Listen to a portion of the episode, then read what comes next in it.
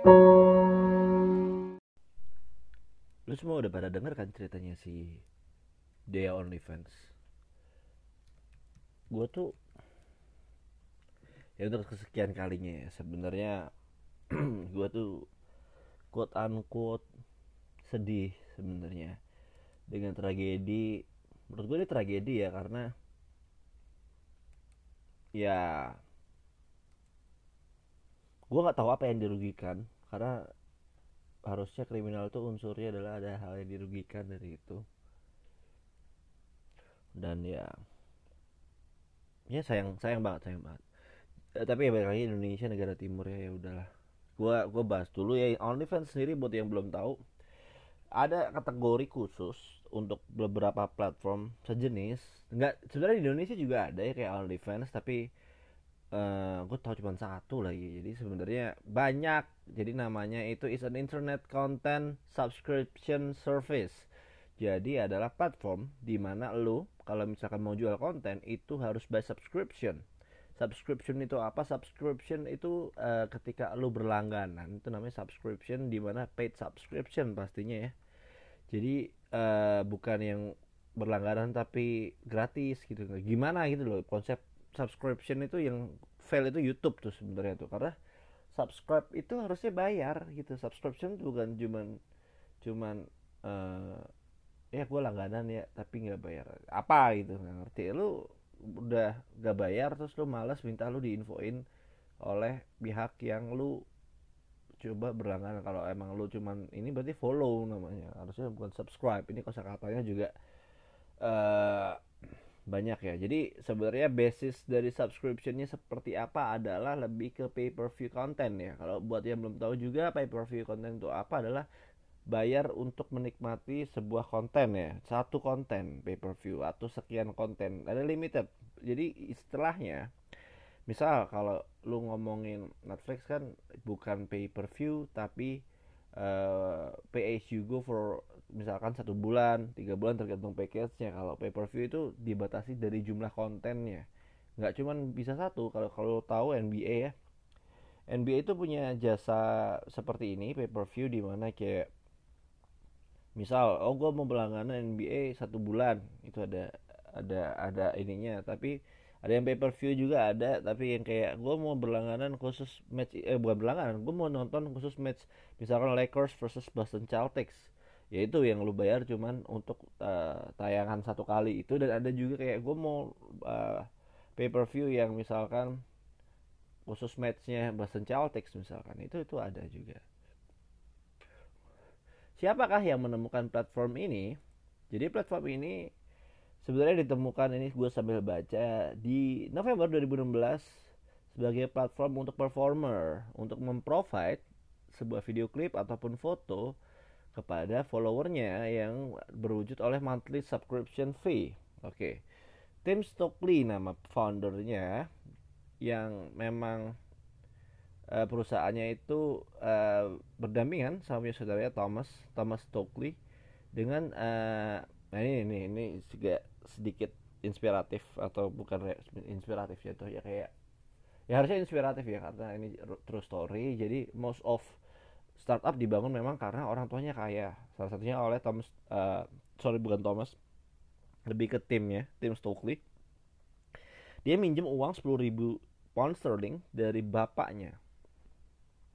Uh, pada ah, ini buat yang belum tahu juga nih ternyata sebelum sebelumnya juga oh banyak juga ya katanya sih waktu ngerayu bapaknya tim tuh sampai dibilangin bapaknya gitu ketika mau minjem duit. Tim ini terakhir ya lu minjem duit kayak gini gue nggak mau tahu kalau jangan sampai ini gagal. Makanya bapaknya karena nggak percaya.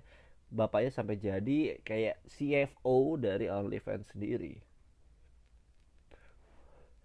Dua tahun berikutnya eh, dibeli kalau nggak salah oleh Ukrainian American Leonid Radvinsky owner dari My Free Camps. What is My Free Camps anyway? Ini gue gak ngerti ya. Uh, My ini gue baca dulu ya. My Free Camps itu adalah website berbasis yang basisnya di Amerika menyediakan layanan live webcam yang dilakukan oleh uh, modelnya itu atau uh, content creatornya typically featuring nudity and sexual activity. Oh, that's why bisa ini nih biasanya kontennya uh, seputar striptease, terus erotic talk sampai dengan masturbation with sex toys. Oh, inilah alasan kenapa kok akhirnya OnlyFans itu rame dengan uh, stereotype kalau content creatornya kebanyakan sexual activity yang ada di situ. Either bugil atau masturbation. Well, ini ini oke okay ya lalu intinya ini gue baca dikit kalau nah ini amatir dan profesional untuk PSK PSK itu yang awalnya ternyata menjadi growth terbesar yang OnlyFans kunci pertumbuhan terbesar OnlyFans itu ternyata PSK guys nah, oke okay. situs ini akhirnya juga naik lagi ketika seorang rapper bernama Cardi B buat yang belum tahu Cardi B itu rapper cewek yang berdiri seksi dan aktris dan juga penyanyi Bella Thorne join di platform itu. Oke dia kayaknya nge-endorse ya Cardi B sama Bella Thorne. Uh, tren di OnlyFans melihat di mana kreator most of them member, uh, memberikan seksual content misal nih jadi ini ini juga kacau juga sih. Jadi intinya most of the business involving tentang sexual activity katanya ada juga charity di situ yang ternyata di barter dengan sexual content gitu ya. Jadi kayak lu kalau mau bayar konten gua ini ini ini lu pernah tahu nggak sih campaign? Gue contohin apa ya? Uh, konten ya minyak goreng lah yang lagi rame. Lu beli minyak goreng ini seratus ribu dua puluh ribunya digunakan untuk mendonasi kepada panti asuhan misalkan kayak gitu. Nah, ini sama lu beli konten gua uh, bugil-bugil gua ini maka lu akan bisa donasi seperti itu. Sejak 2019, OnlyFans account itu ada yang namanya verifikasi proses yang memerlukan selfie di seputar muka ya selfie namanya juga selfie yang maksudnya selfie proper yang yang harus ada wajah segala macam termasuk dengan ID foto di mana diharuskan orang-orang itu memang ada dan tidak fraud seperti itu. Ketika COVID-19, pandemi COVID-19 itu menambah lagi yang namanya growth dari platform OnlyFans sendiri yang akhirnya bisa mencapai tujuh setengah juta new user dan ah, total total user ya. Nggak nggak only viewer tapi juga uh, creatornya juga increase sampai dengan 75% dari Maret sampai April 2020 genrenya seputar apa? Genrenya seputar ternyata tidak lagi melulu tentang sexual activity melainkan ada personal trainer, gamer, musician dan juga fashion influencer. Kemudian juga situs ini itu rame ketika Beyonce itu nyebutin juga di lagu bareng Megan Thee Stallion yaitu Savage. Terus kemudian ya CEO Tim Stokely klaim kalau OnlyFans itu mengenerate 200 ribu new user setiap harinya. Oke. Dan 8 ribu kurang lebih new creator setiap harinya. Wow. Ya, ya, ya iyalah maksudnya gini. Sama kalau lu pernah tahu the one and only thing di dunia ini yang tidak perlu promo adalah seks. PSK lu mau larang kayak gimana? Mau kasih fatwa haram kayak gimana? Kalau ini orang yang ngacengan berangkat. Mau bodoh amat lah kasarnya begini. Ada waduh gua sebut sebutnya kota lah ini udah udah rahasia umum. Bisa ada kota besar seperti Surabaya Jakarta yang memang banyak PSK yang jualan misalkan. Terus ada dari satu orang tempat daerah yang memang isolir tidak tidak boleh ada begitu begitu ada begitu akan dihukum sesuai hukum adat hukum agama orang-orang yang di wilayah yang memang cukup uh, terisolate ini akan terbang ke sini untuk have fun seperti itu ya. Ada ada ada story story. Hah, oke. Okay. Terus ada lagi konser terkait yang namanya child sexual abuse material yang sebenarnya sempat terjadi di uh, OnlyFans katanya. Di sebelumnya diliput oleh BBC. Oke, okay, oke. Okay. Jadi ya kritik ini akhirnya membawa OnlyFans sehingga sekarang kalau bisa almost banning yang namanya sempat ada sempat ada apa ya uh, wacana dari OnlyFans sendiri untuk ngeban seksual konten begitu tapi hmm, ini gue tuh lu lu pasti tahu lah beritanya. Kan memang dia tuh sempat kayak wah enggak enggak gue gue itu platform baik saya tidak mau gue capek kalau konten ini di uh, apa ya dicap sebagai konten yang jual jual uh, bokep doang gitu kasarnya si OnlyFans nggak mau tuh. Tapi akhirnya dicabut lagi dan dia men menganulir dia menganulir kebijakan itu di uh, 2021 Agustus. Katanya kayak ya enggak sih enggak gak jadi dah gue ban gitu. Itu ibarat kata gini lo kalau tahu Doli di 2010 ditutup.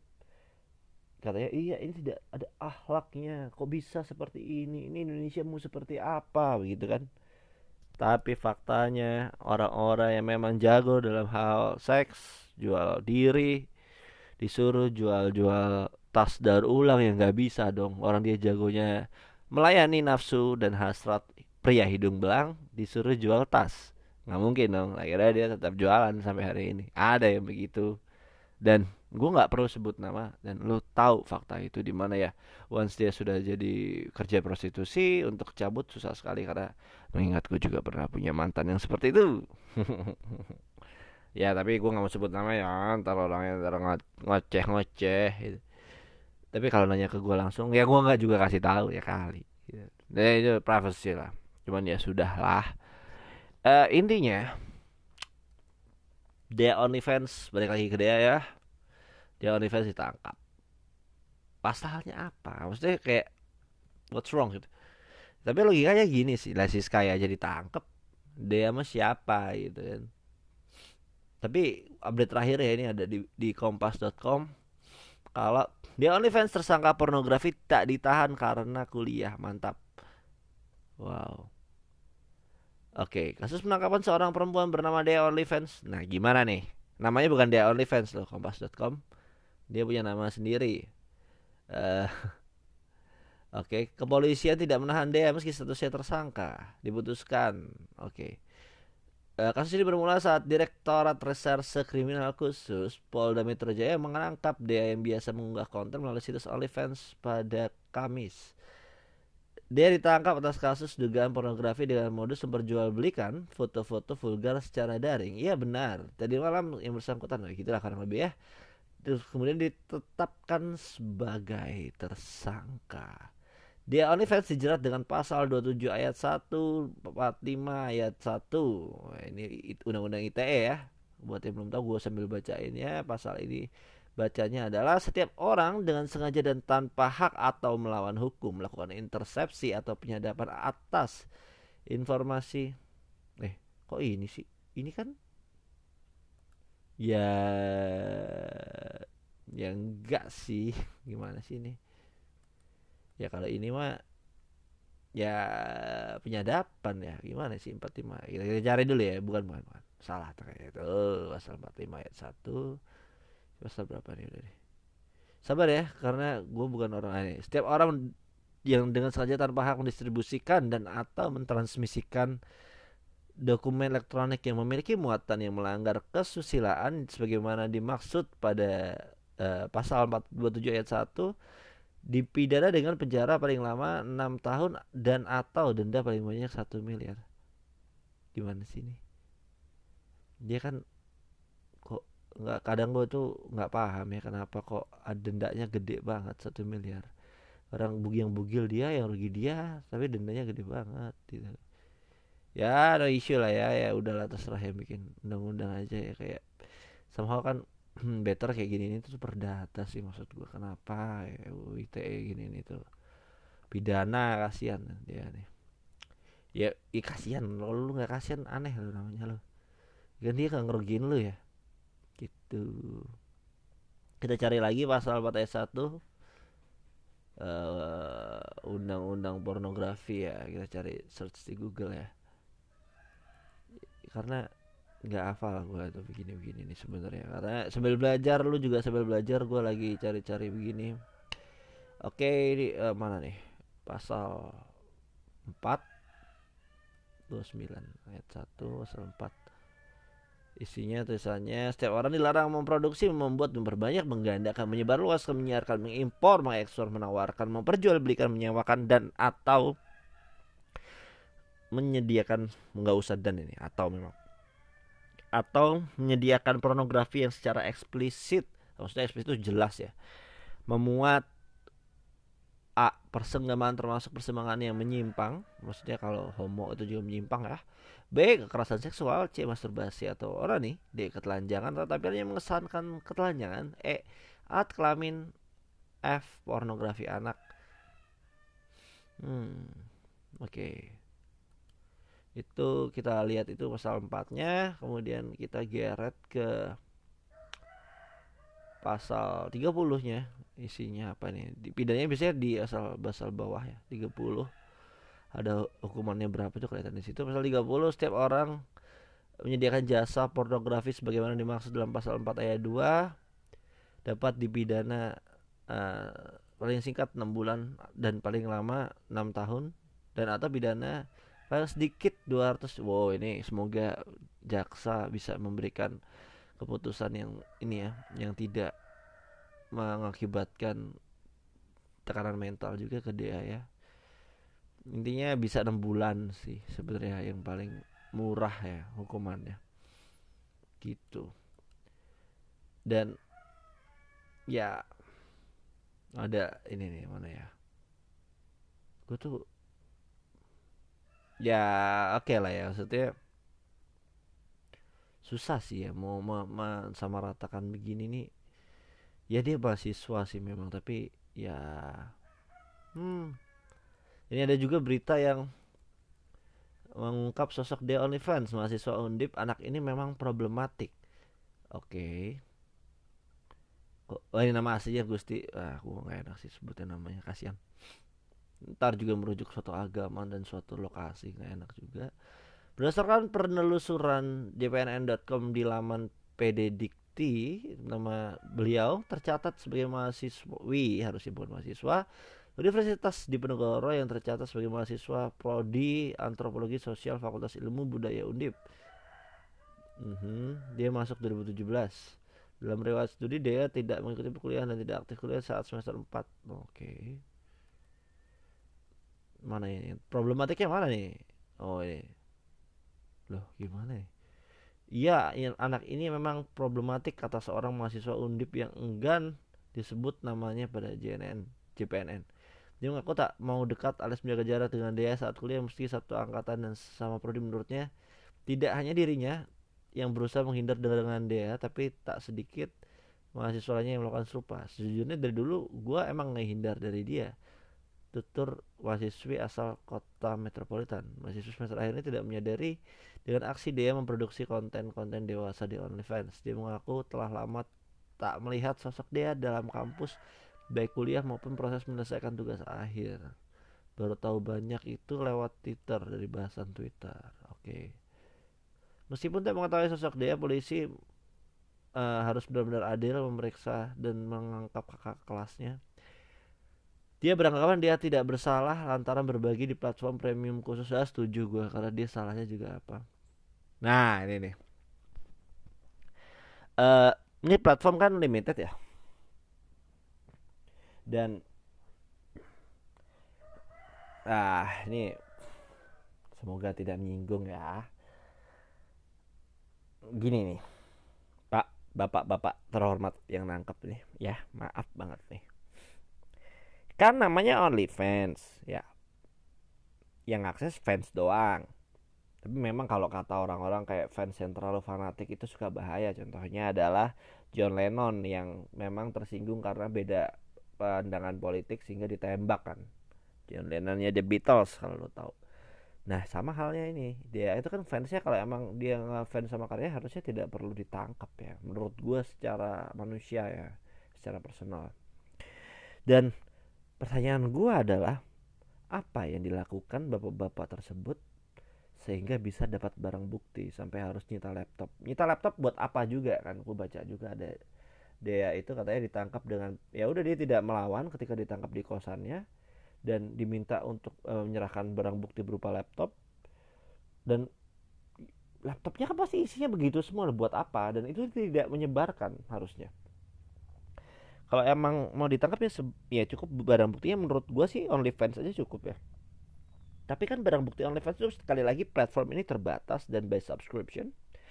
Gimana caranya kalau dia tidak subscribe dan bayar dan memang kayak eh, bro kayak kayak gue nanya bro gimana nih cari barang buktinya susah nih bro? Ya gimana? Ya karena kita harus bayar. Ya iya. Ya, ngapain? Kan dia berarti ya kan lumayan bro. Ya gitulah. Maksudnya akhirnya bayar terus kayak platformnya kan namanya OnlyFans jadi yang mengumpulkan barang bukti berarti fansnya dia. Jadi selamat ya mungkin ya lu harus akhirnya tahu ya sesusah itu kalau lu punya fans kebanyakan nggak bisa lu kontrol akhirnya ya ternyata fans lu kayak mungkin pak polisinya fans ya. Karena namanya only fans kalau yang bisa ngakses seharusnya fans. Kalau ngomong menurut bahasa dari ini ya dari dari judul judul platformnya. Paling segitu dulu ya gue sih berharap dia tidak terlalu kena psikisnya. Dan stay strong dia ya lu tidak kok tidak meskipun lu tersangka bukan berarti lu bisa disamakan sama halnya dengan tersangka koruptor pembunuh terorisme enggak dia lu beda dari mereka. Tapi ya kalau emang lu ya ada hal lain di luar ini ya tolong ya jadilah yang gue tuh masih oke okay yang lihat yang bintang bokep atau siapa pun tuh ngelakuin charity daripada kayak Indra Kents atau Doni Salmanan sih. Kayak kurang gitu ya gitu ya ya good luck. Karena proses persidangannya pasti akan berlanjut. Gitu aja ya. Gue sih berharap lo juga tidak terlalu menyalahkan dia yang dengerin. Karena dia dia just doing his life. His life lagi. Her life. Cari uang buat bayar sekolah buat makan. Ya kita nggak tahu. Memang juga ada lifestyle. Pasti karena pasti bulanan dia ya puluhan juta itu pasti akan nge-trigger lifestyle dia untuk upgrade. Ya segitu dulu dari gue semoga lu tidak mau terlalu judging ya. Karena gue tuh lihat di komen-komen oh ibu-ibu dan mbak-mbak jelek berjilbab tuh kebanyakan yang komen-komen. Kenapa sih mereka ini maksudnya? Ngehardik orang yang nggak mereka kenal dan tidak merugikan dia. Seakan-akan dia paling suci. Gue nggak ngerti. See you semuanya bye bye